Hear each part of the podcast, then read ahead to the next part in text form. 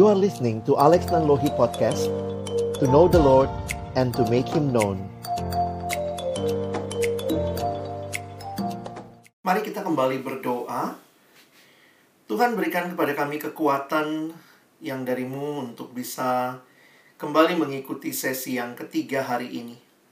Kami sadar kekuatan kami terbatas, kami berserah kepadamu, sehingga kiranya setiap kebenaran yang boleh kami terima, boleh semakin menolong kami juga mengerti apa yang Tuhan karyakan di dalam hidup kami, dan kami bisa meresponinya seturut dengan kehendakmu.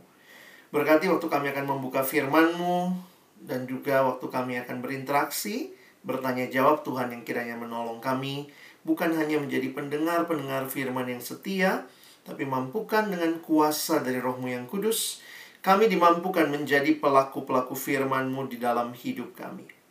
Bersabdalah ya Tuhan, kami umatmu sedia mendengarnya dalam satu nama yang kudus, nama yang berkuasa, nama Tuhan kami Yesus Kristus. Kami menyerahkan pemberitaan firman-Mu. Amin. Shalom teman-teman. Berharap sudah segar lagi. Terima kasih tadi dengan games itu paling tidak kita bisa lebih uh, relax gitu ya, saling uh, mengenal satu sama lain dan juga menebak gitu ya apa yang ada di dalam kotak rahasia teman kita. Saya coba uh, share screen lagi. Ini sesi yang ketiga Baik, jadi uh, membawakan mulai dari God's Grand Design atau uh, gambar besar Allah, rancangan Allah, lalu bagaimana ketika manusia jatuh di dalam dosa yang sebenarnya manusia lawan atau manusia ingkari adalah Allah sendiri. Dan karena itu sekarang kita ingin melihat tentang penebusan Allah yang dikaryakan secara khusus di dalam Yesus Kristus. Nah, kalau kita kaitkan dengan yang tadi, ya, sesi yang sebelumnya, maka pertanyaan ini jadi penting. Bagaimana menggantikan berhala yang kita cintai, yang sudah kita sembah, yang kita layani? Ya, saya katakan tadi ya, tentunya dengan mencintai Allah. Walaupun itu bukan sesuatu hal yang mudah, sebuah perjuangan seumur hidup. Tetapi di sinilah kita melihat anugerah Allah yang luar biasa. Bapak John Piper mengatakan kalimat ini. We make a God out of whatever we find most joy in.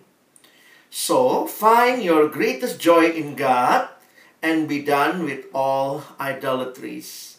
Jadi bagaimana stop dengan semua berhala ya temukan bahwa Allah memang lebih indah, lebih men men menyenangkan dari semua yang begitu menawan hati kita. Jadi pertanyaan secara sederhana di mana kita menaruh cinta kita kepada Yesus atau kepada berhala-berhala dan ini sebuah perenungan kehidupan yang terus-menerus harus kita lalui. Nah, di dalam menghayatin ini bagaimana kita melihat tentang apa yang Yesus sudah lakukan bagi kita. Jadi ya, kalau mengatakan tak kenal maka tak sayang, maka harusnya kita makin kenal apa sih yang Yesus lakukan bagi kita. Dan kemudian dari situlah kita pun bisa memahami bahwa itulah adalah tanda cintanya bagi kita. Dan tentunya kita pun juga meresponi cinta itu dengan kembali mencintai dia. Di Alkitab ada kalimat yang menarik di 1 Yohanes pasal yang keempat ayat yang ke-10. Bukan kita yang mengasihi Allah, tetapi Allah lah yang telah terlebih dahulu mengasihi kita. Saudara dan saya tidak bisa mulai mengasihi Allah dengan kondisi kita yang begitu mencintai hal-hal yang lain. Tetapi bagaimana kita bisa mengasihi Allah? Terimalah kasihnya Allah bagi kita. Waktu Allah mengasihi kita, barulah kita dimampukan mengasihi dia. Nah, mari kita mesti fokus melihat apa yang Kristus lakukan sebagai tanda dan bentuk cintanya bagi kita. Di dalam gereja sebenarnya ada banyak hal yang bisa kita lihat dari pribadi dan karya Kristus. Tetapi kalau kita perhatikan seluruh kitab Injil, fokusnya kepada peristiwa kematian dan kebangkitan Kristus. Jadi, saya juga ingin mengajak kita melihat ya God's triumphal uh, redemption di dalam kaitan dengan kematian dan kebangkitan Kristus. Saudara, kalau perhatikan di dalam Alkitab bahwa hanya dua kitab yang menulis atau kitab Injil yang menulis tentang kelahiran Yesus, yaitu Injil Matius dan juga Injil Lukas. Apakah berarti bagi Markus, bagi Yohanes kelahiran tidak penting? Tidak tentunya.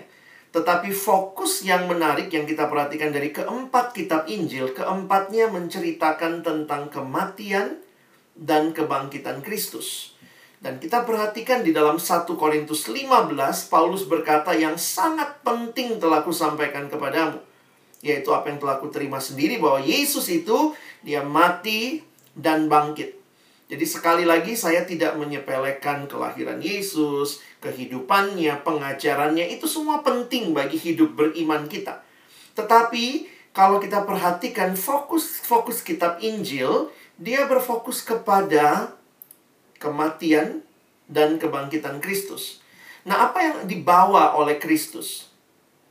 Saya pikir kita perlu menghayati cinta ini untuk kita bisa belajar mencintai Dia. Saudara, waktu kitab uh, di dalam Alkitab kita, setiap kali atau hampir setiap kali, ketika berbicara kasih Allah, itu berbicara tentang Allah yang mengutus anaknya. Nah, itu menarik ya. Waktu bicara tentang kasih Allah, maka penulis-penulis Alkitab tidak berusaha mendefinisikan kasih. Tetapi setiap kali bicara kasih, penulis Alkitab menunjuk kepada Allah yang mengutus anaknya. Kalau kita ingat kalimat Yesus juga di dalam Yohanes 3:16, karena begitu besar kasih Allah akan dunia ini, Yesus tidak sedang mendefinisikan kasih. Tetapi dia menjelaskan karena begitu besar kasih Allah akan dunia ini sehingga ia telah mengutus anaknya yang tunggal supaya setiap orang yang percaya kepadanya tidak binasa, melainkan beroleh hidup yang kekal. Apa yang mau ditunjukkan ketika Alkitab bicara kasih? Tindakan Allah yang mengutus anaknya. Dan Allah yang mengutus anaknya jelas sekali. Mengutus anaknya untuk menjadi juru selamat bagi kita. Ada kalimat yang menarik di dalam sebuah kutipan yang Bapak John Stott katakan, dia mengatakan kalimat ini. If you want to learn about love, you should look not in a dictionary, but at Calvary. Nah, ini memang dalam bahasa Inggris permainan katanya kelihatan. If you want to learn about love, you should look not in a dictionary, but at Calvary. Di Calvary itulah nyata kasih Allah yang diberikan kepada kita. Karena itu saya ingin fokus kepada kematian dan kebangkitan Kristus sebagai wujud nyata kasih Allah, sebagai kita bisa meresponinya dengan kita pun mengasihi Yesus. Mencintai dia lebih dari semua berhala-berhala yang lain. Lihat apa yang dia lakukan demi cintanya bagi kita. Ya. Nah, Roma pasal yang ke-6 ayat 9 sampai 11 akan menjadi ayat yang saya coba bagikan bagi kita. Saudara bisa lihat ayatnya saya sudah tuliskan. Karena kita tahu bahwa Kristus sesudah ia bangkit dari antara orang mati, tidak mati lagi. Maut tidak berkuasa lagi atas dia, sebab kematiannya adalah kematian terhadap dosa, satu kali dan untuk selama-lamanya, dan kehidupannya adalah kehidupan bagi Allah. Demikianlah hendaknya kamu memandangnya bahwa kamu telah mati bagi dosa, tetapi kamu hidup bagi Allah dalam Kristus Yesus. Saudara perhatikan sebentar tiga ayat ini, saya ingin membaginya dengan dua fakta yang bisa kita perhatikan. Kita akan melihat dua fakta yang pertama tentang Yesus dan yang kedua tentang kita, orang percaya, ya. Mari kita lihat yang pertama dulu. Fakta tentang Yesus. Apa yang disampaikan di dalam ayat tadi tentang Yesus? Kita melihat fakta tentang kematian dan kebangkitan Yesus. Saudara perhatikan bagi Paulus, kematian dan kebangkitan Yesus bukan hanya fakta sejarah yang dia paparkan, tetapi dia lebih berfokus kepada apa maknanya kematian dan kebangkitan Yesus. Saya favorit dengan penulis ini ya, Bapak John Stott. Dalam banyak kutipannya itu sangat menolong saya memahami banyak hal. Dia mengatakan kalau kita itu will live and die. Tetapi Christ died and live. Ya. Nah, perhatikan ayat 9 dan 10 tadi. Paulus berusaha memberikan penjelasan tentang apa yang menjadi makna dari kematian dan kebangkitan Yesus. Perhatikan ayat 9. Karena kita tahu bahwa Kristus sudah bangkit dari antara orang mati, tidak mati lagi. Maut tidak berkuasa lagi atas dia. Jadi pengalaman Yesus mati, lalu Yesus bangkit ya saudara ya. Nah perhatikan ayat 10, ini makna yang diberikan. Sebab kematiannya, Waktu Yesus mati, kematiannya adalah kematian terhadap dosa. Karena dia juru selamat, kematiannya adalah kematian terhadap dosa satu kali. Dan untuk selama-lamanya. Dan ingat, habis itu kan Yesus tidak mati lagi. Makanya kan ditulis di ayat 9, ia bangkit. Kematiannya adalah kematian terhadap dosa, satu kali dan untuk selama-lamanya. Dan kehidupannya, kenapa dia hidup? Karena dia bangkit, adalah kehidupan bagi Allah.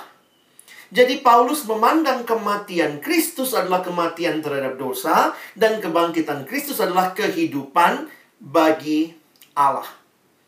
Nah, ini fakta yang tentunya kita pahami dan makna yang diberikan membuat kita makin sadar peran Kristus yang menyelamatkan. Semua yang dia tanggung dengan penderitaan, mulai dari dia disesah, dipukuli, dicambuk dengan cambuk Romawi yang tajam. Dia harus memikul salibnya ke tiang penyalipan, ke tempat di mana dia disalibkan. Mel Gibson dalam film Passion of the Christ berusaha menangkap betapa ngerinya situasi yang Yesus alami dan akhirnya jelas kita melihat Yesus mati. Kenapa fakta Yesus mati penting, saudara? Karena kalau dia nggak mati, maka dia nggak mungkin bangkit. Makanya di dalam kehadiran beberapa teolog-teolog yang menolak kebangkitan, wah itu ada juga ternyata ya orang-orang yang bilang, wah Yesus tuh nggak bangkit. Kenapa dia nggak bangkit? Karena dia nggak pernah mati. Ada yang bilang Yesus cuma pingsan. Kalau saudara pelajari hukuman penyalipan Romawi, nggak mungkin cuma pingsan. Ya, dan Alkitab pun menuliskan waktu itu dicek ya, lambungnya ditusuk dan dituliskan keluarlah air dan darah. Ada penafsir mengatakan kalau sudah air sama darah misa itu udah mati. Karena kalau masih hidup keluarnya darah yang ya darah tuh campur sama air ya. Tapi itu menunjukkan bahwa memang Yesus sungguh-sungguh mati. Saudara, ini fakta yang menarik. Ada yang bilang Yesus nggak mati karena dia cuma pingsan. Nah ini yang saya bilang tadi, nggak mungkin peristiwa penyalipan Romawi itu membuat pasti mati gitu ya. Nggak mungkin cuma pingsan. Karena kalau Yesus nggak sungguh-sungguh mati, cuma pingsan, berarti dia nggak bangkit dong. Dia sadar ya. Oh, Yesus sadar dari antara kematian begitu ya. Nggak bisa kita sebut begitu. Ada lagi yang bilang, Yesus tuh nggak bangkit. Murid-muridnya ambil mayatnya. Ternyata itu sudah dari teori di masa itu. Waktu disuruhlah orang-orang menjaga, prajurit Romawi menjaga kubur Yesus, lalu kemudian terjadi kebangkitan, maka imam-imam kepala menyuap. Bilang aja, murid-muridnya datang mengambil mayatnya ketika kamu sedang tidur. Wah, itu sebenarnya agak memalukan ya. Prajurit Romawi dikenal paling sigap. Berani ngaku maaf kami ketiduran gitu ya wah itu bagi saya sangat geli. Tapi uang ya uang tuh bisa mengalahkan segalanya sampai rela disuap begitu rupa dan mereka harus bohong. Ada lagi teori yang bilang Yesus tetap mati cuma nggak bangkit. Karena itu mereka mengatakan murid-murid Yesus khususnya ya ini perempuan-perempuan. Ini teori salah kubur. Pantas waktu datang kuburnya kosong, perempuan-perempuan itu datang ke kubur yang salah. Tahu lah ya perempuan katanya biasanya GPS-nya nggak nyala gitu ya. Jadi datangnya ke kubur yang salah, pantas kosong. Jadi akhirnya orang-orang yang menggunakan istilah itu ya saya pikir dia nggak baca Alkitab kali ya. Kalau dia baca jelas sekali di Alkitab. Perhatikan, di Alkitab tuh jelas perempuan-perempuan yang melihat di mana tubuh Yesus dibaringkan itu perempuan yang sama namanya diulang mereka yang datang pada minggu Paskah. Jadi nggak mungkin salah kubur mereka lihat kok mereka lihat batu itu digulingkan dan dalam perjalanan mereka pun bertanya siapa yang akan menggulingkan batu itu. Ini percakapan para perempuan pagi-pagi ya. Jadi perempuan mungkin gitu ya pergi dulu baru mikir gitu. Datang deh, datang ke kubur terus di tengah jalan siapa yang gulingkan batu itu ya? Mungkin mereka saling nengok, kamu deh, badanmu gede tuh, habis nge-gym kan ya, kamu yang nge-gym deh yang buka gitu ya. Nah, saudara saya membayangkan uh, percakapan itu, tapi waktu mereka datang, kubur itu sudah kosong. Mereka masuk, mereka ketemu dengan malaikat. Dan perhatikan kalimat malaikat ini juga ya, bagi saya ini kalimat penting ya.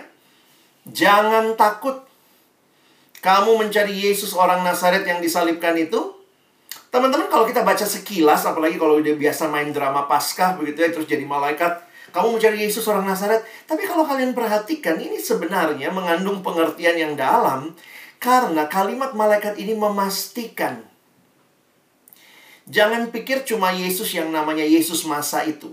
Ada banyak orang nama Yesus kan itu nama umum. Yesus, Yeshua, Yosua itu akar katanya sama Allah menyelamatkan, Allah penyelamat. Jadi Yesus bukan cuma dia yang namanya Yesus.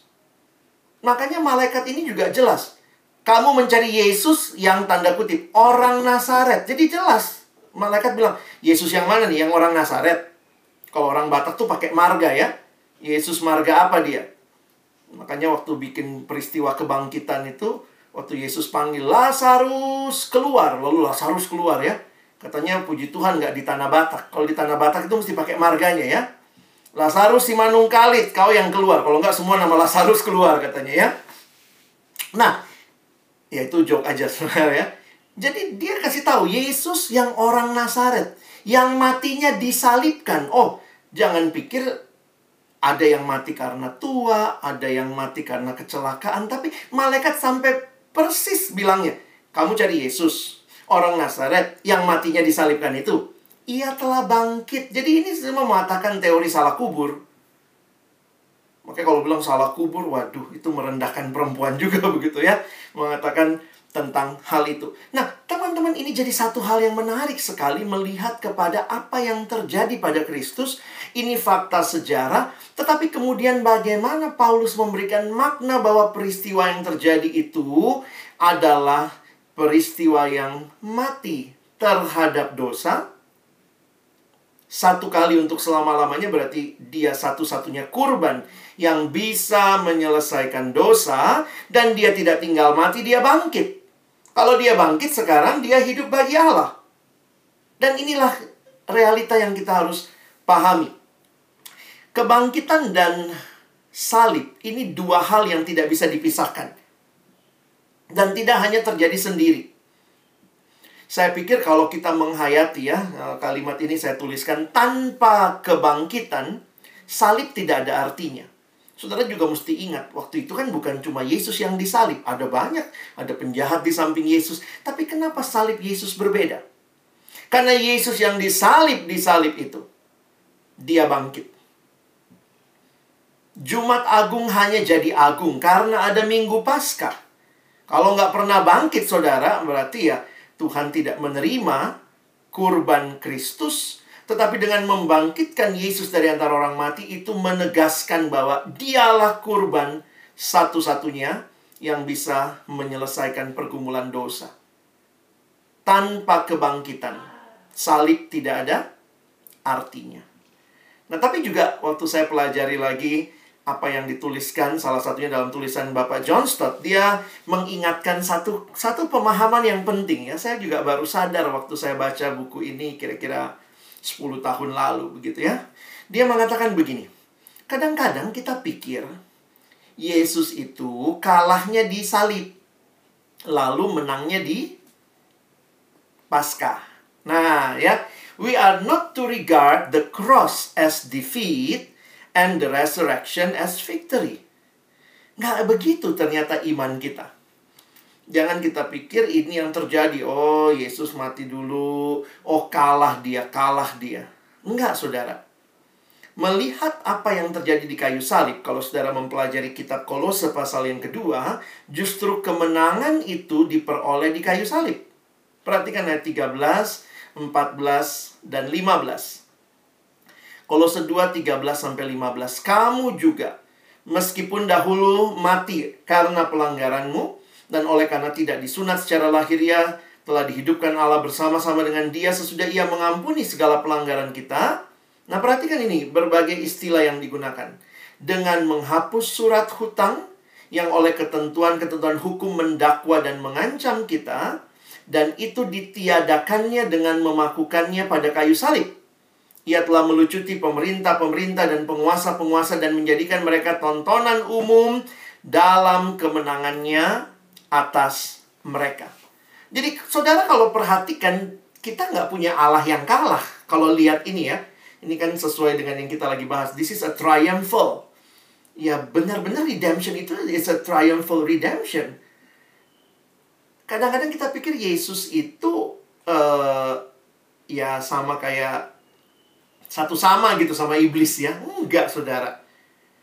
Enggak demikian. Salib itu kemenangan. Makanya kalimat John Stott dia lanjutkan ya. Ini kalau mau membaca tulisan dia di dalam buku yang uh, terkenal yaitu The Cross of Christ, Bapak Joseph mengatakan rather we should think the cross was the victory won and the resurrection the victory endorsed, proclaimed and demonstrated. Jadi inilah yang kita bisa pahami tentang karya Kristus yang menang di kayu salib dan ditegaskan diproklamasikan, didemonstrasikan melalui kebangkitannya. Jadi, saudara memang kita melihat ini dalam iman Kristen ya, itu kematian dan kebangkitan itu tidak terpisahkan. Dan Yesus sendiri berkata, "Akulah kebangkitan." Ya, dan kebangkitannya itu membawa perubahan. Dan sekali lagi Paulus menegaskan bahwa ini yang terjadi. Yesus mati, dia mati terhadap dosa, dan dia bangkit, dia bangkit untuk hidup bagi Allah. Nah, saudara, ini yang kita bisa pahami fakta pertama tentang Yesus, tentang kematian dan kebangkitan Yesus. Tetapi fakta kedua yaitu tentang kita orang percaya. Nah, saudara perhatikan, saya tuliskan begini. Ini juga fakta tentang kematian dan kebangkitan orang percaya. Dari mana kesimpulannya? Tadi kita sudah lihat ayat 9, ayat 10. Perhatikan ayat 11. Karena di situlah kita melihat poin ini ditegaskan. Demikianlah hendaknya kamu memandangnya. Jadi sebenarnya ayat 9 10 itu yang terjadi pada Yesus. Tetapi bagi Paulus ketika kita bersatu dengan Kristus, kita ada di dalam Dia, maka kematian Yesus jadi kematian kita kebangkitan Yesus jadi kebangkitan kita. Makanya dia bisa berkata, demikianlah hendaknya kamu memandangnya bahwa kamu telah mati bagi dosa. Loh, yang tadi mati kan Kristus. Kok bisa? Lalu kamu bangkit. Padahal yang tadi bangkit kan Kristus. Tetapi kamu, kamu hidup bagi Allah. Kuncinya di mana? Yang terakhir tuh. Dalam Kristus Yesus. Itu iman kita. Ketika saudara dan saya buka hati terima Yesus, kita dipersatukan dengan Kristus. Di dalam teologi dikatakan ini adalah doktrin union with Christ, menjadi satu dengan Kristus. Kita dipersatukan dengan Kristus sehingga kematiannya bukan cuma fakta sejarah yang bermakna, tetapi menjadi sebuah pengalaman pribadi. Kebangkitannya bukan cuma fakta sejarah yang bermakna, tetapi juga menjadi pengalaman iman orang-orang percaya. Kita mati bagi dosa, tentu kita beda sama Yesus, dia juru selamat. Istilah yang dipakai memang agak unik. Yesus mati terhadap dosa, kalau kita mati bagi dosa, tetapi Yesus hidup, dia bangkit maka dia hidup bagi Allah. Nah, sama, kita pun bangkit dan hidup bagi Allah. Jadi, Roma pasal 6 memberikan pemahaman bagi kita waktu kita merayakan Paskah, memperingati Jumat Agung, merayakan Paskah itu bukan cuma fakta sejarah. Bahkan bukan cuma fakta sejarah yang bermakna Yesus mati bagi kita, tetapi itu pengalaman iman di mana kematian dan kebangkitan Yesus memberikan hidup yang baru. Dan itu real, Saudara. Ketika kita lihat dosa begitu merusak, tetapi ketika kita lihat karya Kristus yang membaharui, kadang-kadang kita pikir, waduh, dalam dosa semuanya binasa. Apalagi harapan kita maka kematian dan kebangkitan Kristus memberikan kepada kita hidup yang baru. Nah, inilah kekristenan. Saya kutip lagi kalimat Timothy Keller, Christianity is not about being nice, it's about being new. Kadang-kadang kita pikir agama Kristen cuma ya hidup baik, hidup bermoral. Bagi kita bukan demikian. Tapi hidup yang lama, kamu mati di dalam dosa tapi kamu sekarang dalam Kristus, kamu mati bagi dosa, berarti tidak lagi hidup menikmati dosa, dan kamu bangkit dan hidup bagi Allah. Nah, saudara, inilah iman kekristenan kita. Kenapa saya fokuskan kepada kematian dan kebangkitan Kristus? Kalau saudara perhatikan, di banyak surat Paulus, secara khusus Paulus pun berkata ya, bagaimana kami senantiasa membawa kematian Kristus di dalam tubuh kami. Dan kalau saudara perhatikan, nah ini bagian yang terus-menerus mewarnai, harusnya shape our Christian life. Mati dan bangkit dengan Kristus. Nanti bahas lagi Filipi pasal 3, Paulus pun mengatakan, yang ku kehendaki ialah mengenal dia. Dan kuasa kebangkitannya, di mana di dalamnya aku menjadi serupa dengan dia dalam kematiannya. Supaya aku akhirnya beroleh kebangkitan dari antara orang mati. Masih berkaitan dengan kematian, kebangkitan Kristus, shape our Christian life. Nah, saya mau masuk bagian terakhir dengan menunjukkan kepada saudara ya. Sekali lagi saya masih fokus kepada kematian dan kebangkitan Kristus. Apa sih yang ditegaskan bagi hidup kita saat ini? Kalau saudara melihat kasih Tuhan begitu luar biasa membawa saudara dan saya yang tadinya kalau kita lihat tadi non pose non pekare tidak bisa tidak berdosa tapi Kristus membaharui, memberikan kita hidup yang baru sehingga kita sekarang bisa tidak berdosa. Itu dari mana? Dari karya Kristus bagi kita. Dan itu yang ditegaskan melalui kematian dan kebangkitan Yesus. Kita memperolehnya dalam kematian dan kebangkitan yang Yesus lakukan yang ternyata adalah pengalaman iman kita. Nah, ada tiga hal yang bisa kita lihat yang ditegaskan di dalam kematian dan kebangkitan Yesus. Yang pertama, kematian dan kebangkitan Yesus menegaskan God's forgiveness. He died that we might be forgiven. Ayat yang menarik yang bisa kita pahami adalah coba lihat sebentar di dalam 1 Korintus 15. Perhatikan kalau ayat ini lebih khusus bicara soal kebangkitannya ya. Dan jika Kristus tidak dibangkitkan, maka sia-sialah kepercayaan kamu. Dan kamu masih hidup dalam dosamu. Berarti kalau sekarang saya menerima Kristus yang mati dan bangkit itu, berarti saya menerima pengampunan. Ya. Karena kalau tidak bangkit, saya masih hidup dalam dosa. Kalau dia bangkit berarti God's forgiveness. Jadi saudara, ini menarik untuk kita perhatikan Tuhan mengampuni kita. Itu bukan cuma wacana, itu bukan cuma doktrin, tapi itulah pengalaman iman orang percaya. Dosa begitu mengerikan, dosa begitu membuat kita tidak punya kuasa untuk bangkit, tetapi karena Allah mengampuni kita, kita punya hidup yang baru. God's forgiveness, this is something real in our lives. Nah, nanti saya kasih implikasinya di belakangnya, kita terima doktrinnya dulu ya. Kenapa penting? Ya, karena itu memastikan kita diampuni. Yang kedua, kematian dan kebangkitan Yesus memberikan kepada kita keyakinan akan God's power. Kuasa Allah. Saya kasih cerita sedikit ya. Kalau saudara belajar di dalam Alkitab, kuasa Allah di Perjanjian Lama itu ditandai dengan Allah menciptakan dari tidak ada jadi ada. Nah, itu gambaran tentang kuasa Allah yang mencipta dari tidak ada jadi ada. Makanya kalau lihat Mazmur misalnya ya, engkau Allah yang berkuasa, yang mencipta. Jadi kuasa Allah di Perjanjian Lama dikaitkan dengan Allah yang mencipta.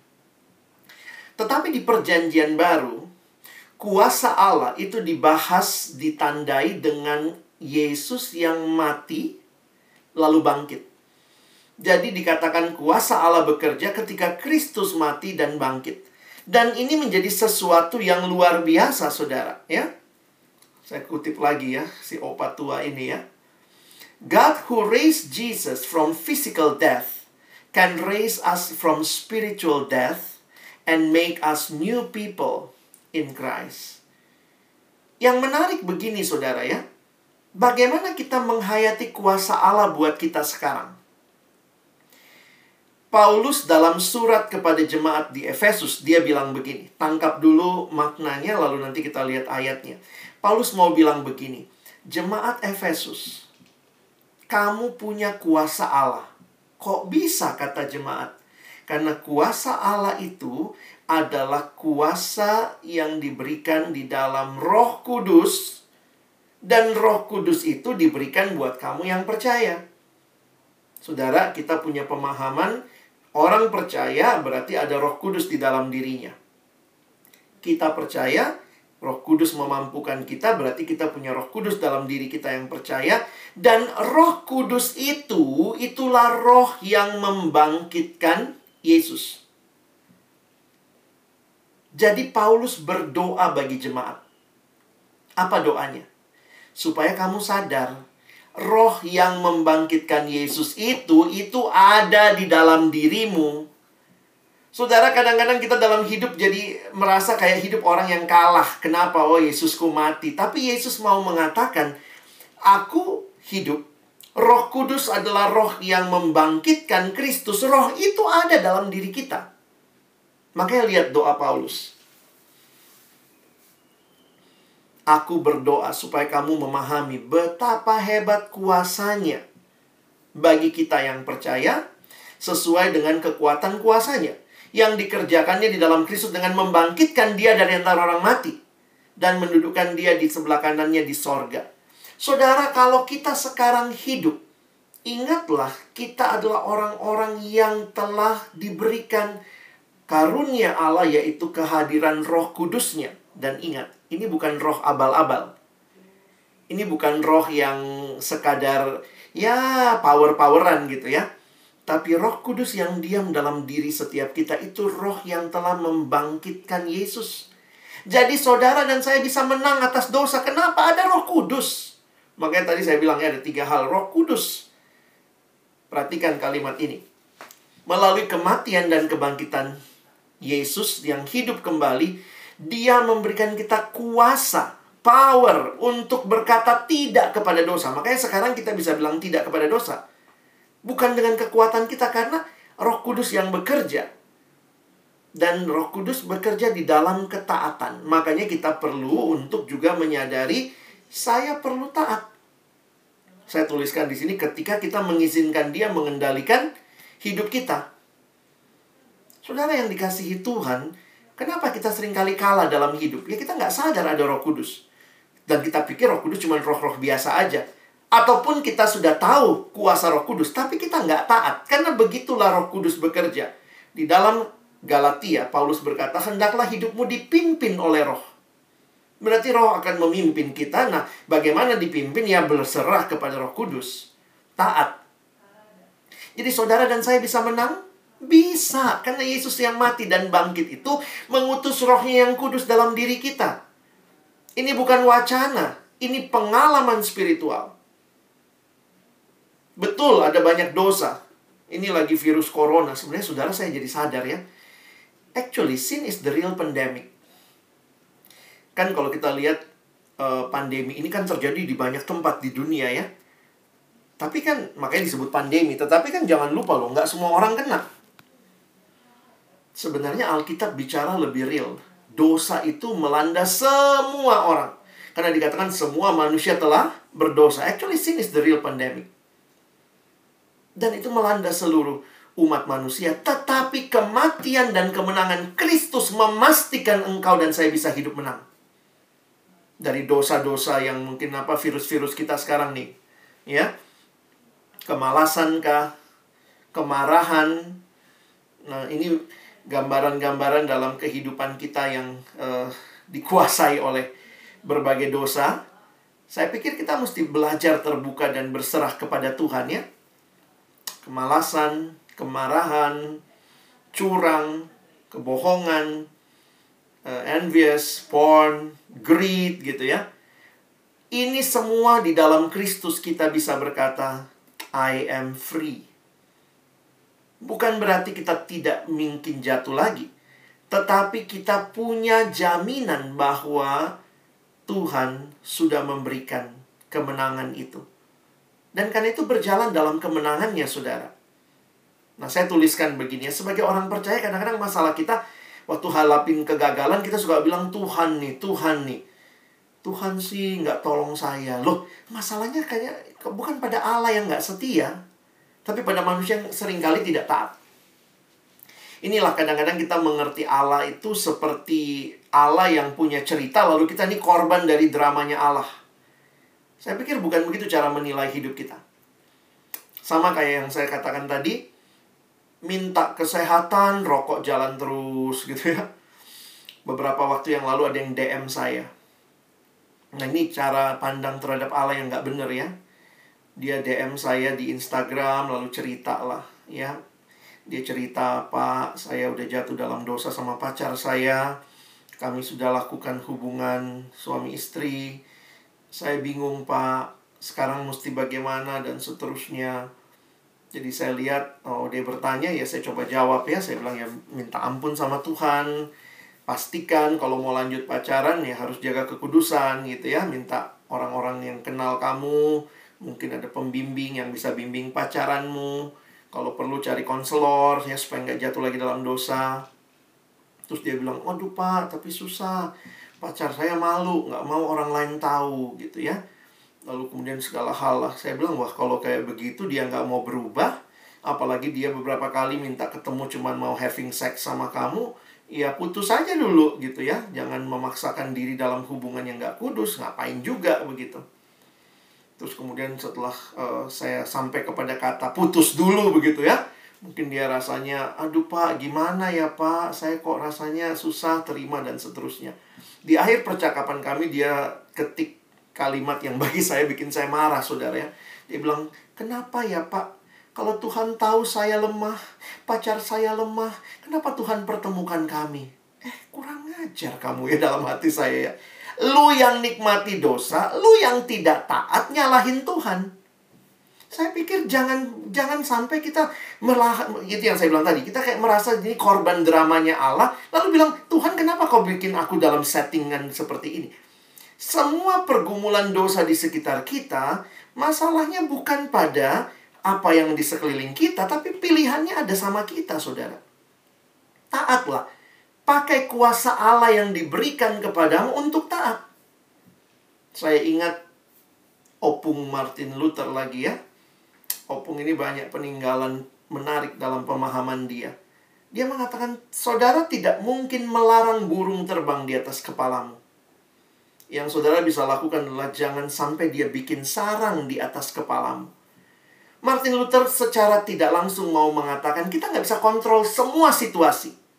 Yang bisa saudara dan saya kontrol adalah diri kita yang belajar memilih taat kepada Allah dan kuasa Roh Kudus sebenarnya sudah memampukan kita. Jadi jangan salahkan, kenapa kamu pornografi? Habis semua orang porno. Kenapa kamu pornografi? Habis waktu pas pinjam laptopnya, waktu kebuka, eh porno. Ah, kenapa kamu pornografi? Habis aku kesepian. Selalu akhirnya kita mencari berbagai alasan sehingga seolah-olah ya this is me. No buat kita yang percaya, kita pose uh, pose non pekare, kita bisa tidak berdosa dan kemampuan itu datang dari kuasa Roh Kudus yang diam di dalam kita. Jadi jangan salahkan Tuhan, jangan salahkan situasi. Kita perlu dengan sadar mengatakan Tuhan tolong saya. Wah, saya agak marah waktu itu. Saya balasnya cukup panjang ya. Saya bilang, jangan karena kenikmatan yang kamu dilarang, tahu-tahu kamu nyalahin Tuhan. Ini masalahnya di kamu. Kalau salahnya Tuhan, suruh Tuhan bertobat. Tapi ini salah kamu. Kamu bertobat. Kamu dan pacarmu. Kelemahan itu bukan jadi alasan saya menikmati dosa. Martin Luther bilang, tidak bisa kau larang burung terbang. Yang bisa kau larang, jangan dia bikin sarang. Jadi jangan diajak juga burungnya. Sini, ayo sini. Sini, yuk, yuk. Itu kita main-main sama dosa. Kita sudah dikasih kuasa, saudara. This is jadi saya berharap kita nggak cuma mengerti oh God's triumphal redemption. This is something about our spiritual experience as Christians. Harusnya ini pengalaman rohani kita. Nah, yang ketiga, kematian dan kebangkitan Yesus bukan hanya mengampuni kita, memberi kita kuasa karena Roh Kudusnya diam di dalam kita, tetapi juga memberikan kepada kita ultimate triumph, God's ultimate triumph, meyakini akan kemenangan Allah yang sempurna. Di dalam 1 Petrus 1 ayat 3, Saudara perhatikan ayatnya sebentar ya.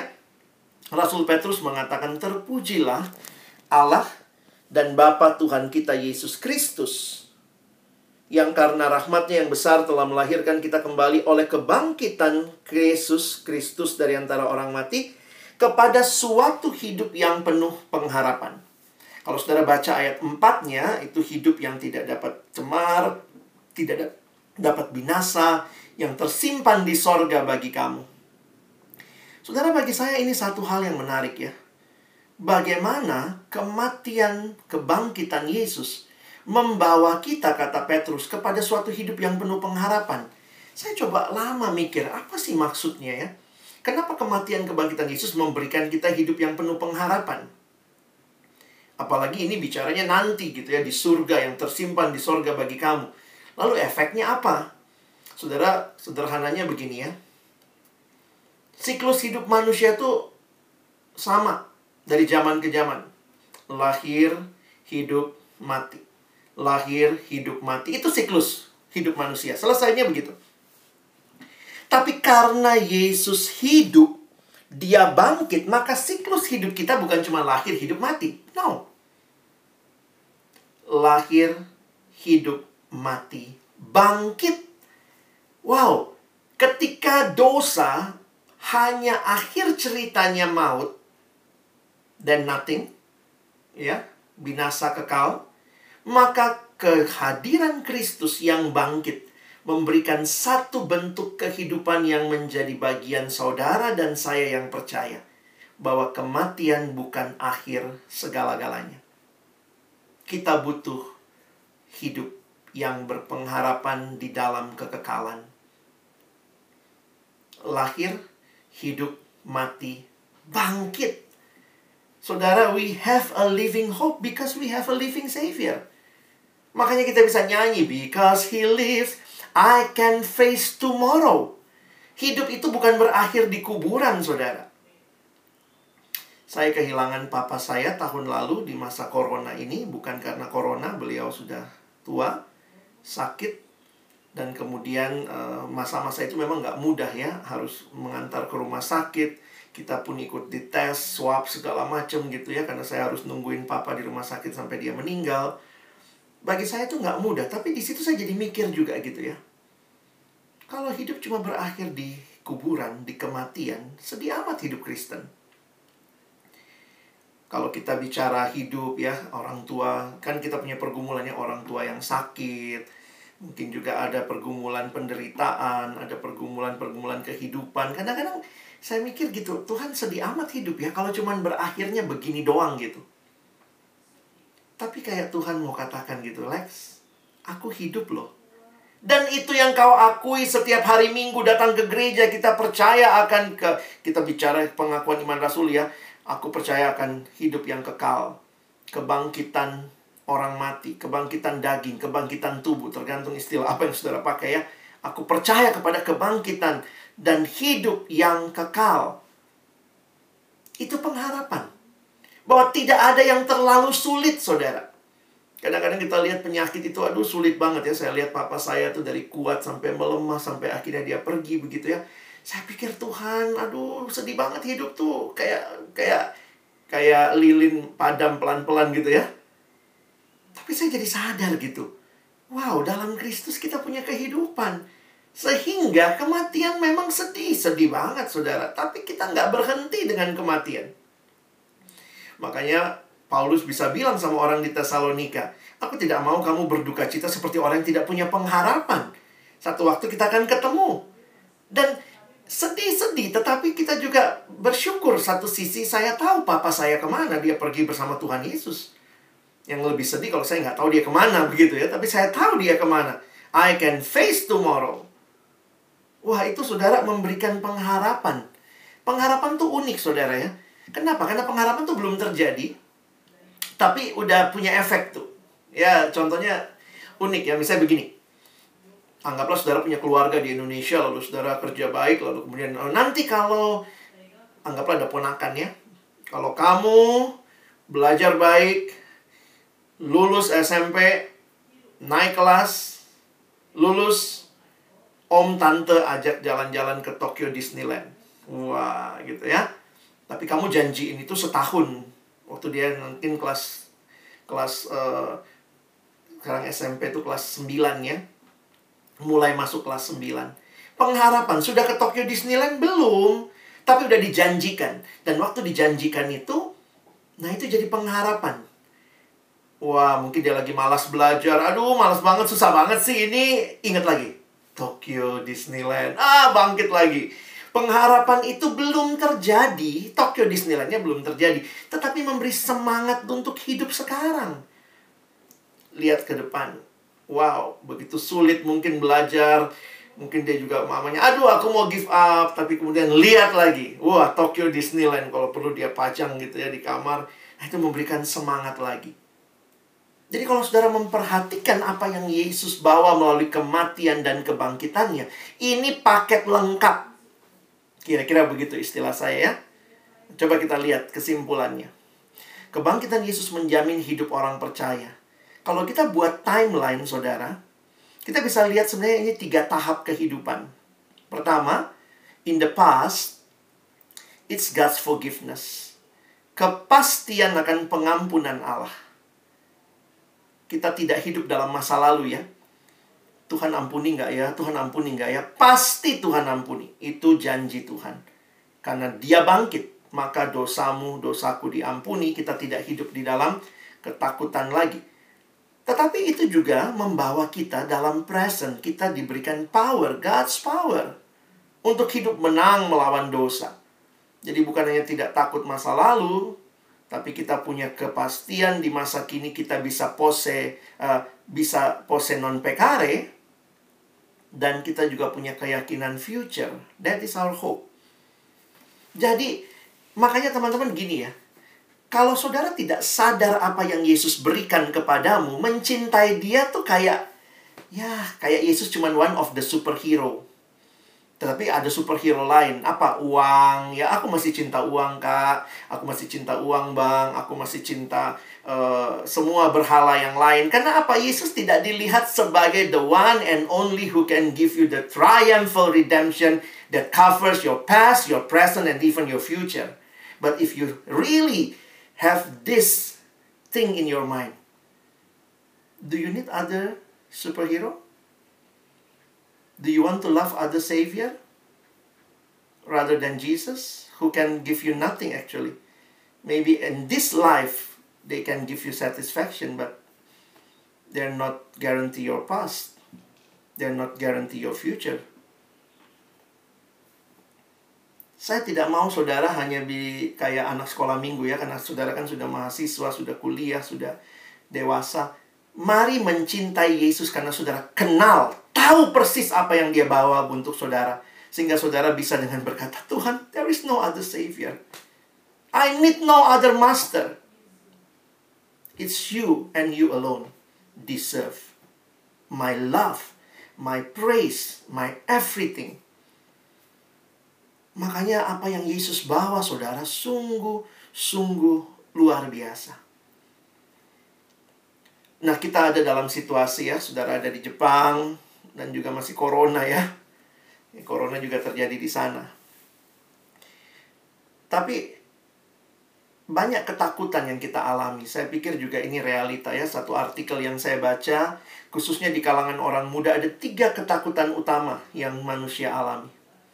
Manusia orang muda ya dalam masa corona. Pertama, fear of the future ya kita juga mesti jujur kita nggak tahu nih sampai berapa lama ke depannya bagaimana bahkan kita mungkin juga bertanya tentang nasib kita ya fear of the future dan bahkan nggak ada corona pun orang muda suka takut masa depannya ada juga ketakutan kegagalan takut gagal gitu ya wah bilangnya sih pergi ke Jepang tapi kalau nggak selesai kuliahnya malu juga dong gitu ya aduh kalau nanti kerjanya nggak sukses gitu aduh takut gagal gitu And at the other things is fear of loneliness. Ini juga masalah di generasi yang sangat unik ya. Ini generasi yang paradoks.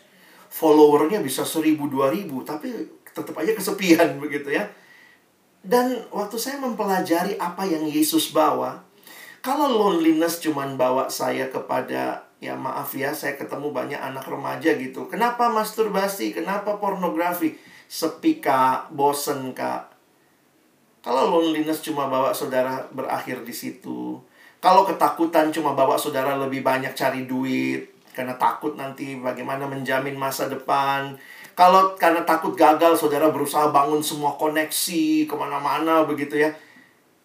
Saya pikir, is life only about that gitu ya?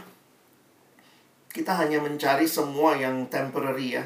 Cannot solve for our whole a life problem.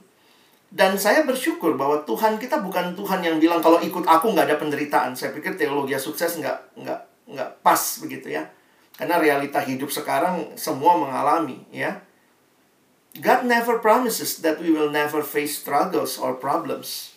Tetapi kalau gitu apa yang dia janjikan? Apa yang dia bawa dengan past, present, and future? Saya tuliskan begini, God walks with us in our struggles.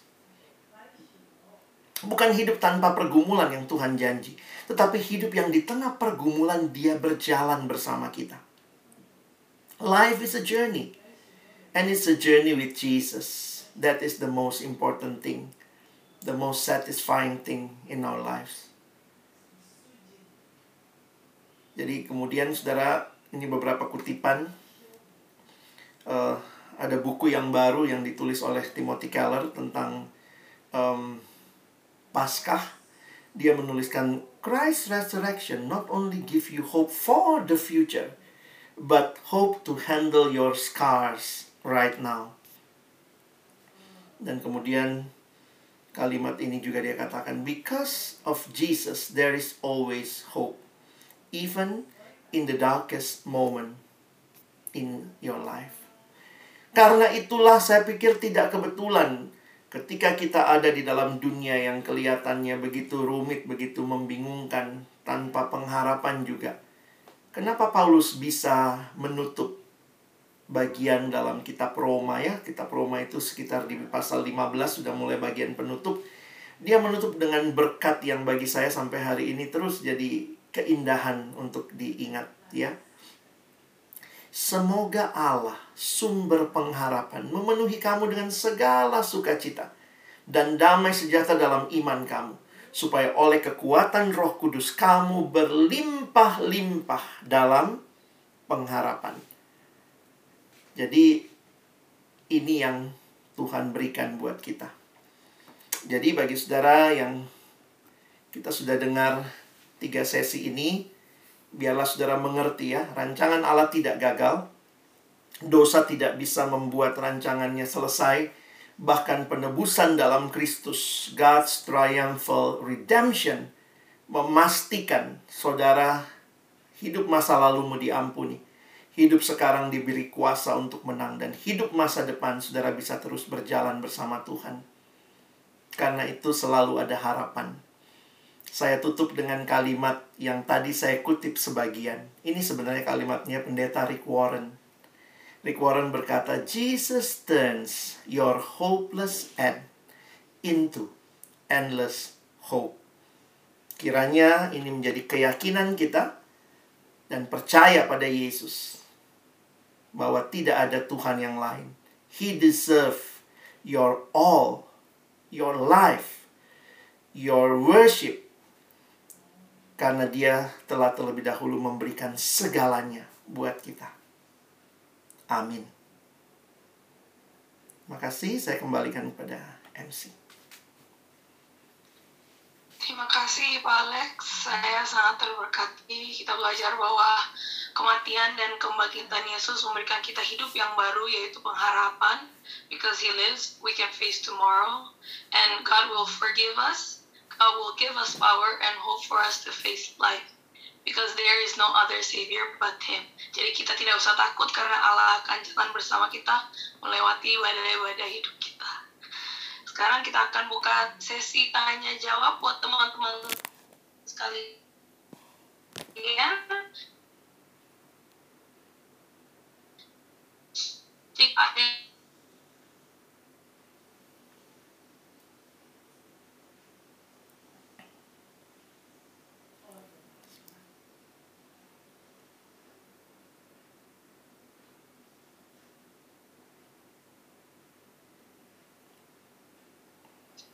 udah mulai mematikan video ini semuanya. Halo semua.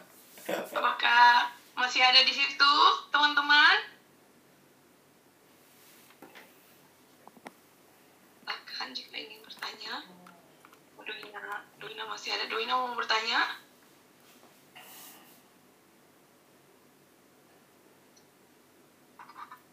Enggak, Kak. Belum. Siap. Daijoubu desu. Oke. Okay. Daijoubu artinya no, it's okay. Pak Alex. Oke. Okay. Mungkin dari pos PI uh, Hiratsuka atau yang dari G3 Miki, teman-teman dari G3 Miki. Apakah ada mungkin yang dari Gunma?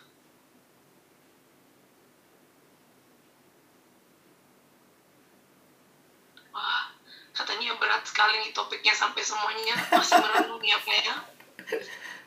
Maafkan, semoga tetap bisa diaplikasikan ya.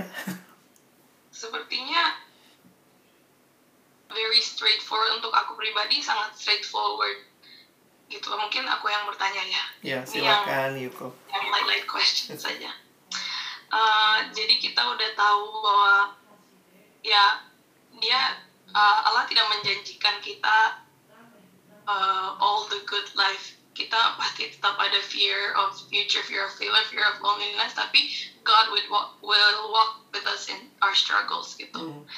Nah mungkin banyak kita uh, menghadapi uh, mempunyai teman-teman yang di sekeliling kita. Mereka mengetahui ini juga, tapi mereka tetap menghadapi uh, the fear of future, fear of failure, fear of loneliness. Apalagi sekarang uh,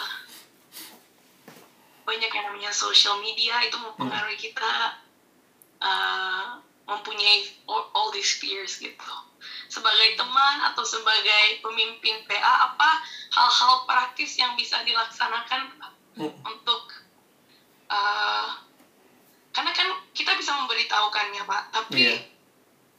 nggak bisa kayak selalu so straightforward apalagi bahasa milenial mungkin sekarang Hmm. beda gitu Pak apa yang kita bisa lakukan Iya. sebagai teman atau kakak PA Saya ingatkan mungkin untuk tetap be authentic ya. Be authentic, you are not a superhero in faith. Kita bukan juga orang yang always uh, strong begitu ya. Jadi bagi saya generasi ini akan lebih melihat orang yang bergumul dan jujur dengan pergumulannya mungkin they value it more than people who try to always be strong but actually really hiding themselves dengan semua kerohanian. Jadi saya pikir kita butuh kerohanian yang lebih otentik. Nah, tentunya untuk teman-teman pemimpin PA kadang-kadang kan tanpa sadar ya, we want to look good gitu ya. We want to look uh, like I can answer all your questions, I can be uh, with you all the time begitu ya. Jadi tanpa sadar juga mungkin kita bisa jadi udah tanda kutip ya menggantikan atau merasa kita tuh menggantikan Tuhan bagi hidup orang. Kadang-kadang itu juga something yang harus kita uh, waspadai. Nah, di sisi yang lain kemudian saya melihat ya leading by example itu satu hal yang penting di tengah-tengah generasi yang kayaknya mungkin kalau bahasanya Yuko tadi kalau terlalu straightforward langsung bilang kamu nggak boleh ini nggak boleh itu. Nah somehow memang ya kita butuh ya uh, teladan-teladan yang hidup. Makanya butuh orang-orang muda yang can be a trendsetter rather than a trend follower. Somehow saya sedihnya lihat anak Tuhan kita tuh lebih ngikut tren kalau di Indonesia misalnya gitu ya satu kelas bolos dia malah ikutan bolos gitu ya can you make something different? Justru ayo siapa yang nggak mau bolos ikut aku. Mungkin wih kayaknya ih pak Kristen banget sih kayaknya ini banget. Tapi ya itu uh, uh, good things to do begitu ya.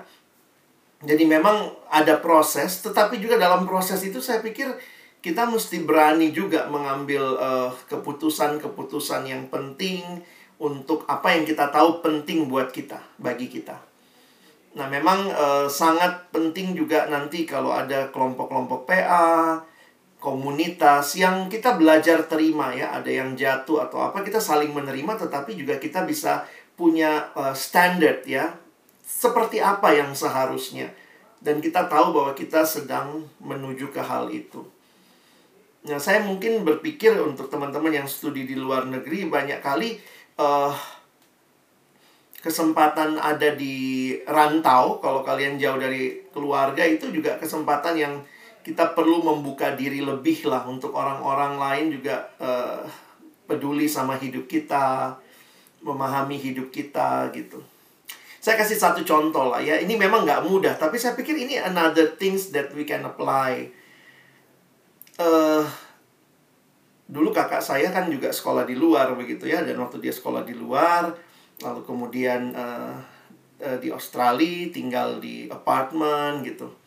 Jadi awal-awal mereka tuh satu apartemen Kristen teman-teman yang dari Indonesia mau memuliakan Tuhan sama-sama melayani di gereja sama-sama. Tapi kemudian uh, tanpa sadar ya satu temennya mulai pacaran. Dan pacaran mulai bawa pacarnya ke kamar. Ya kan kita kita di Australia nih gitu ya mulai bawa pacarnya ke kamar. Kita kan di negara yang terbuka terus kemudian ya di kamar juga nggak ngapa-ngapain kok gitu ya. Ya kalau nggak ngapa-ngapain ya kamarnya dibuka atau apa. Akhirnya ya sebagai anak-anak yang mau hidup dalam Tuhan yang sadar juga kita lemah ya jangan main-main sama pencobaan. Akhirnya bikin standar gitu ya. Ya udah kalau terima tamu pacar pun di ruang tamu. Jadi kadang-kadang we need to set the boundary dan kadang-kadang saya harus mengatakan gini ya, hidup Kristen tuh kepo ya. Karena di Alkitab itu we need to care one another. Kecuali memang kita dibilang bodoh amat gitu ya. Jadi ya carilah cara untuk menegur, carilah cara yang baik untuk mendiskusikan. Somehow maybe the rules will help, tapi di sisi yang lain juga jangan sampai orang udah jatuh dalam-dalam dosa tiba-tiba udah hamil di luar nikah Terus kita yang teman flatnya bilang, iya sih, habis dari dulu dia kalau pacaran di kamar. Terus kamu ngapain di situ? Are you a Christian? Do you care for your friends? Yeah, I pray for her.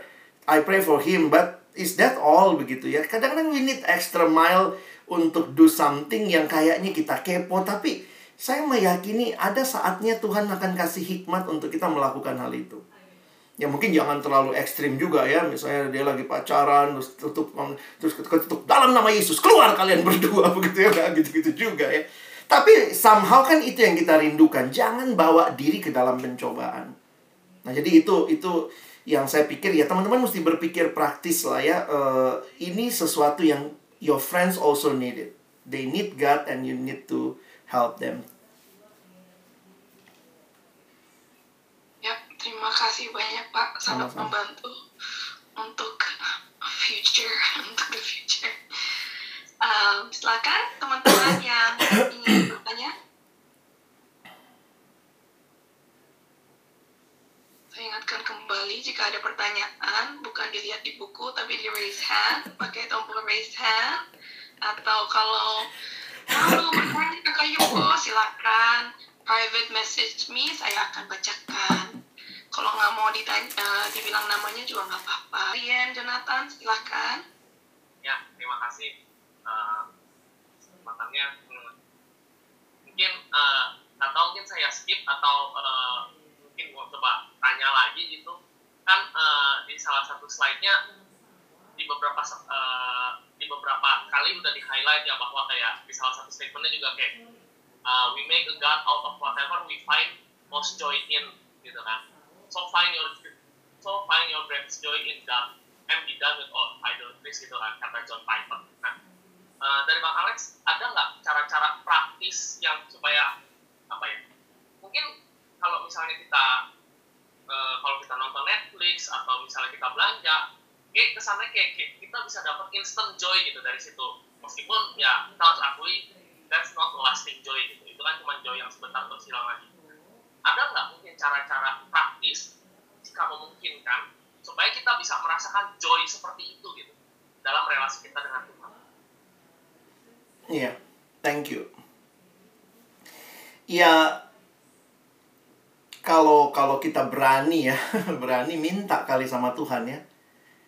Somehow crisis will help us to to really realize which is the the the most important joy we need gitu.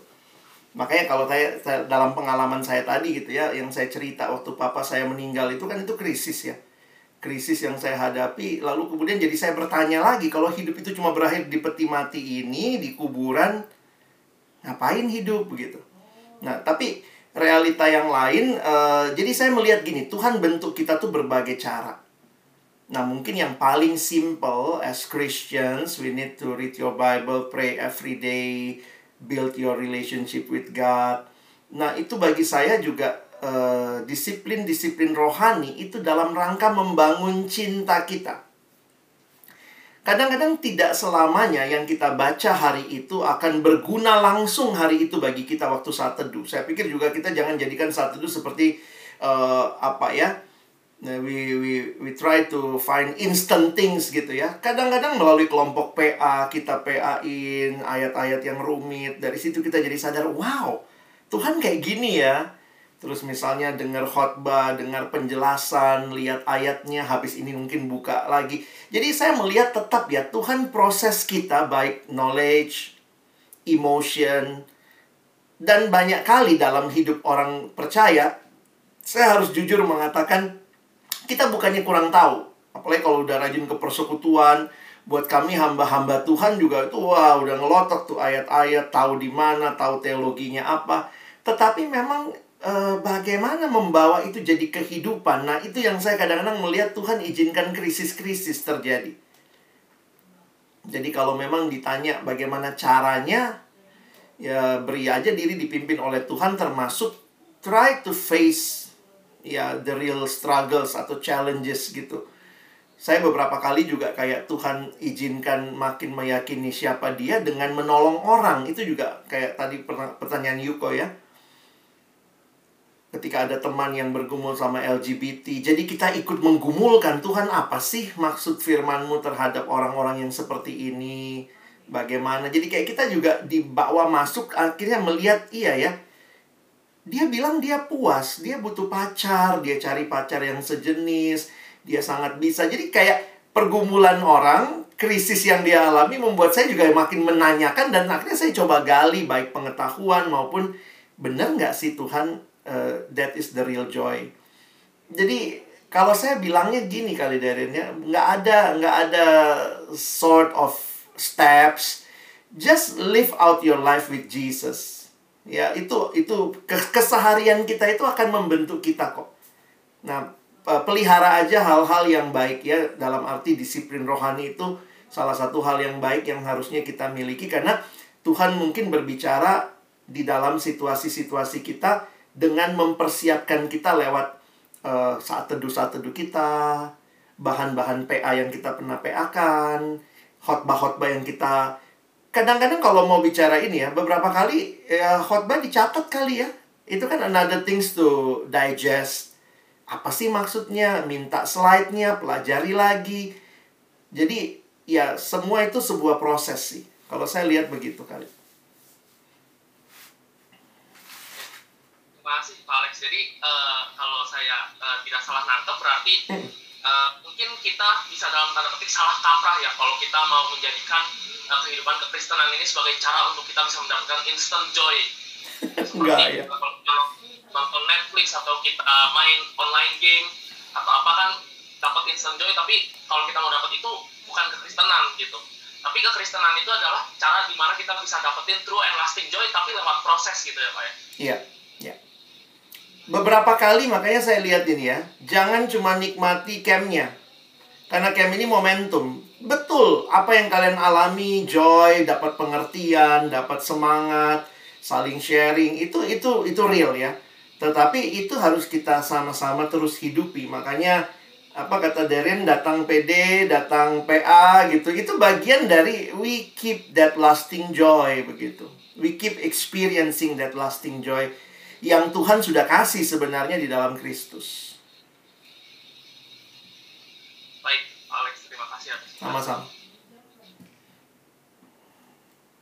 Terima kasih Pak Alex, terima kasih juga Darian untuk pertanyaannya. Apakah ada teman-teman yang lain yang ingin bertanya lagi? Saya memberi kesempatan untuk satu, untuk dua orang lagi. Kalau bingung jangan dipikirkan sendiri, di- dipertanyakan, di-share. You and me one mind. Wah. Silakan. Oke, Ustaz. Kak. Iya, sebenarnya tadi udah pengen nanya dari sesi yang sebelumnya juga, mungkin berkaitan pertanyaan dari yang juga gitu. Tadi dibahas tentang eh, eh, dosa ya. Eh, orang-orang manusia jatuh dalam dosa karena ya mereka menikmati dosa gitu. Eh, kecanduan mungkin baik halnya kita bisa kecanduan investasi, kecanduan suka gosip, shopping, Instagram, bahkan self pity itu jadi salah satu bentuk kecanduan juga.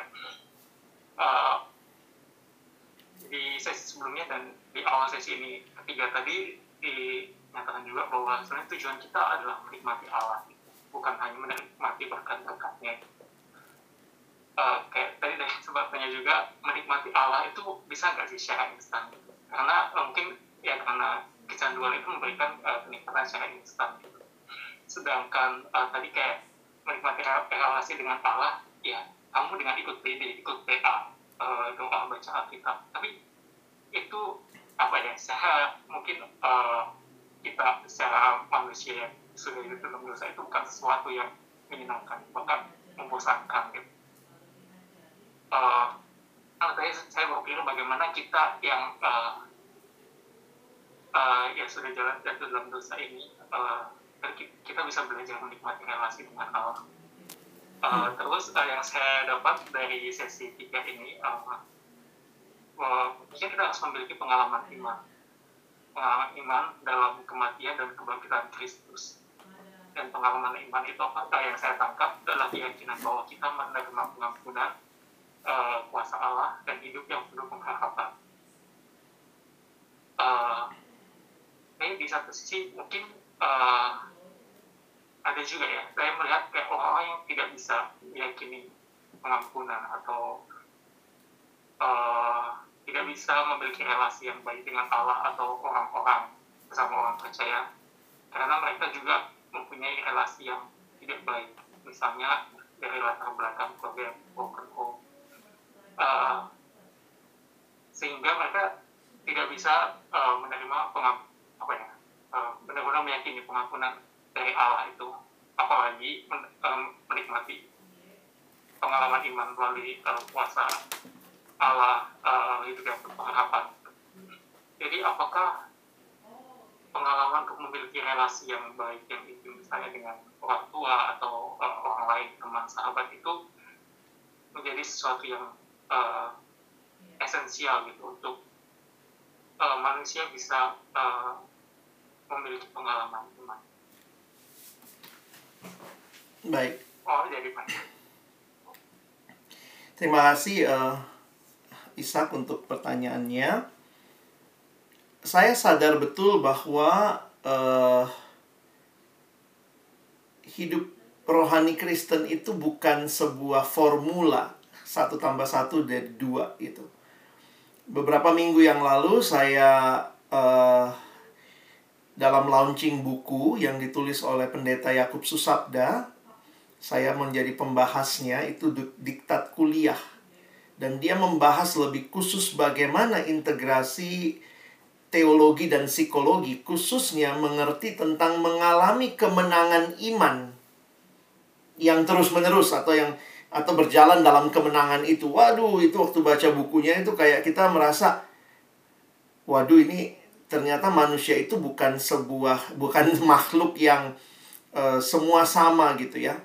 Kita dibentuk Tuhan juga atau kita di melalui pembentukan yang dari Tuhan itu banyak step.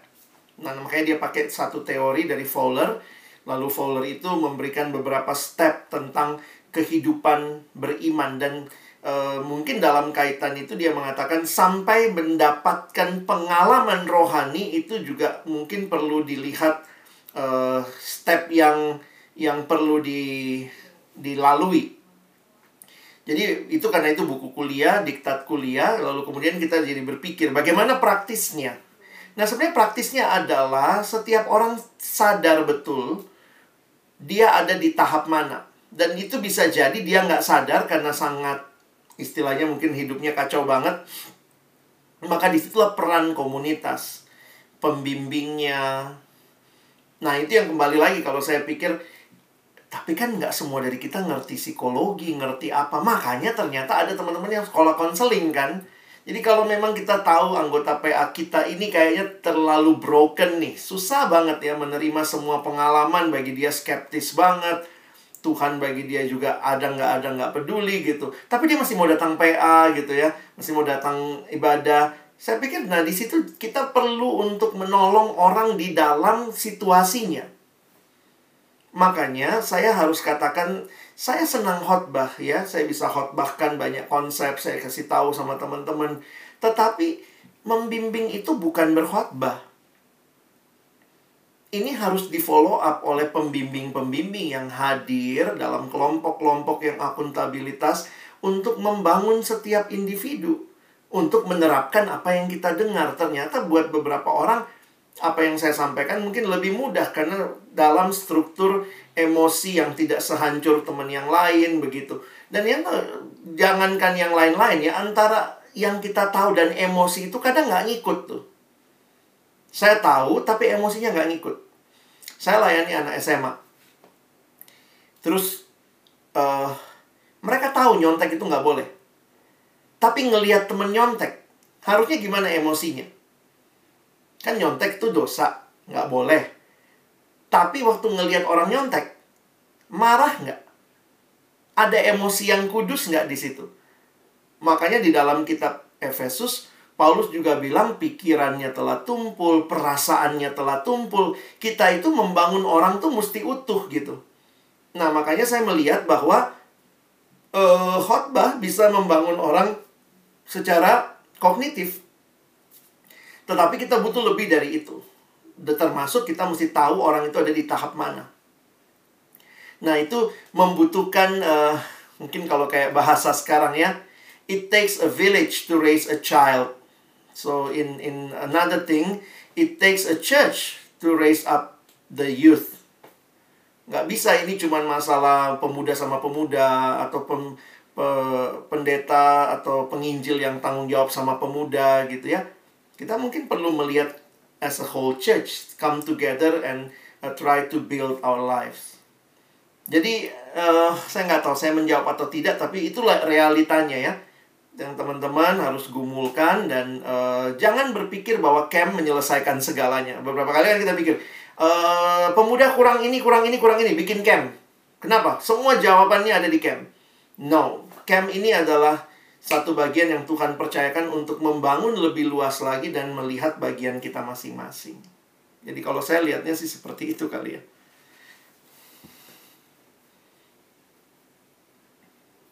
Ya, terima kasih awal ya jawabannya.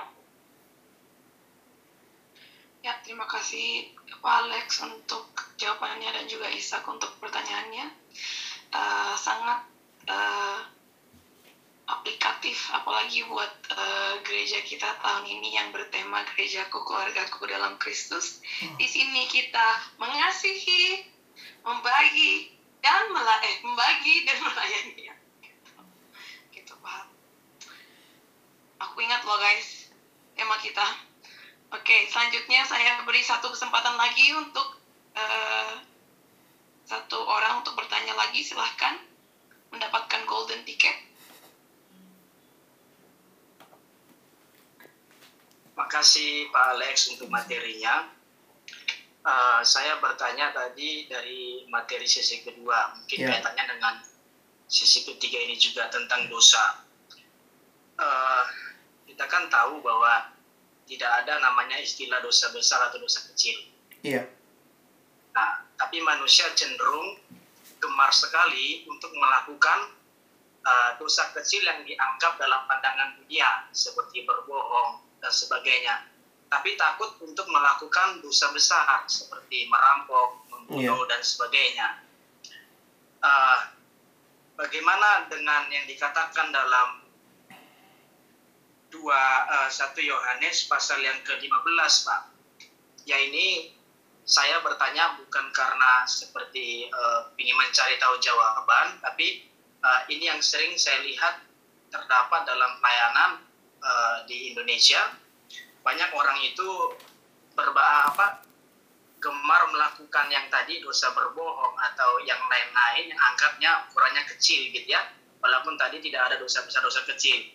Dalam uh, Yohanes pasal 5 uh, eh, ayat 16 dan 17 Pak saya baca begini. Kalau ada seorang melihat saudaranya berbuat dosa yaitu dosa yang tidak mendatangkan maut hendaklah ia berdoa kepada Allah dan dia akan memberikan hidup kepadanya, yaitu mereka yang berbuat dosa yang tidak mendatangkan maut. Ada dosa yang mendatangkan maut. Tentang itu tidak kukatakan bahwa ia harus berdoa. 17. Semua kejahatan adalah dosa, tetapi ada dosa yang tidak mendatangkan maut. Nah, pertanyaannya begini, Pak. Apakah memang ada dosa yang tidak mendatangkan maut? Nah dari ayat ini makanya uh, mungkin orang merasa tidak takut untuk melakukan dosa berbohong atau yang nampaknya yang kira-kira ukuran manusia kecil gitu pak. Uh, lalu kalau memang ada dosa yang tidak mendatangkan maut, uh, dosa apa? Kalau tidak ada dosa yang mendatangkan maut, lalu apa maksud ayat ini pak? Supaya dari pertanyaan ini kami-kami pemuda-pemuda tahu bahwa Tuhan itu mau kita hidup memuliakan Dia. Itu Pak. Terima kasih Pak. Baik Pak, terima kasih. Di dalam ayat yang Bapak kutip, kalau saya perhatikan dalam satu bagian ini, ini bicara tentang apa yang menjadi konsekuensi saat ini dari dosa itu. Jadi, akibatnya bahwa akibatnya itu bisa membuat orang kehilangan nyawa, makanya dikatakan dosa yang uh, mengakibatkan kehilangan uh, uh, mendatangkan maut begitu. Jadi memang gimana ya kalau saya menanggapinya begini kali ya. Lebih penting kita memahami bahwa ya tadi ya prinsip dosa adalah dosa. Nggak ada besar kecil Nah, tapi konsekuensi dari dosa itu sering kali membuat orang merasa yang ini lebih kecil dari yang lain. Jadi bukan dari keberdosaannya yang pada dasarnya ya salah gitu. Tetapi dari ya ini cuma bohong. Kalau ini sampai bikin orang mati misalnya. Nah, itu yang membuat orang kayak menimbang-nimbang seolah-olah kalau dia melakukannya lebih sedikit dampak buruknya Nah, itu jadi sesuatu yang melegakan dia untuk dilakukan terus. Ini mirip kayak orang yang bilang sama saya, Pak, saya kan pornografi itu nggak ganggu siapa-siapa. Saya nggak bikin, justru saya nggak hamili anak orang, saya pokoknya nikmati sendiri aja gitu. Jadi sebenarnya kan ini dalam bicara dampaknya, saya nggak bikin masalah sama siapa-siapa. Tapi dari mana melihat ini salah? Ya ini salah itu melihatnya bukan hanya dari dampaknya, ada dampak yang sampai bikin orang kehilangan hidup, ada yang tidak sampai kehilangan hidup, ada yang mungkin bahkan hanya diri kita sendiri yang kayaknya terdampak, Tetapi Alkitab mau memberitahukan kepada kita bahwa dosa itu adalah banyak aspek pelanggaran hukum Allah. Dosa itu kita mencari kepuasan di luar Allah. Dosa itu kita selingkuh dari Allah. Nah, bagi saya justru wawasan itu menolong kita untuk tidak main-main dengan dosa sebesar atau sekecil apa pun. Jadi mungkin uh, ya sedihnya kalau gereja tidak mengajarkan sehingga orang akhirnya jadi kayak nggak apa-apa lah ini kecil. Ah ini jangan-jangan ini besar gitu.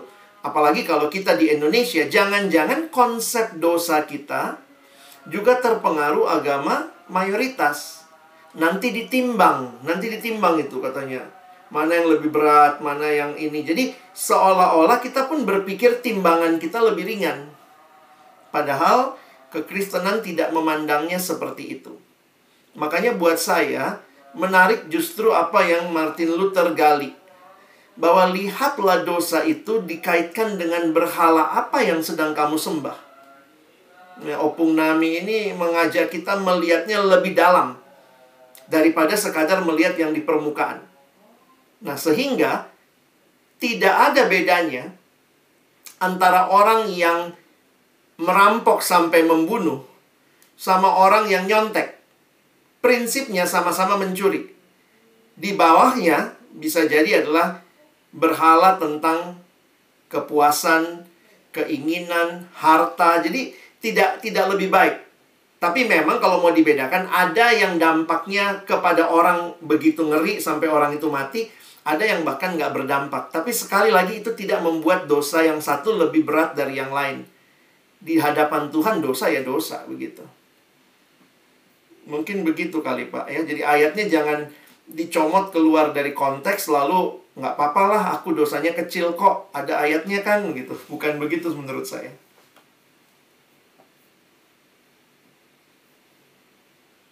Baik, terima kasih. Iya, sama-sama Pak.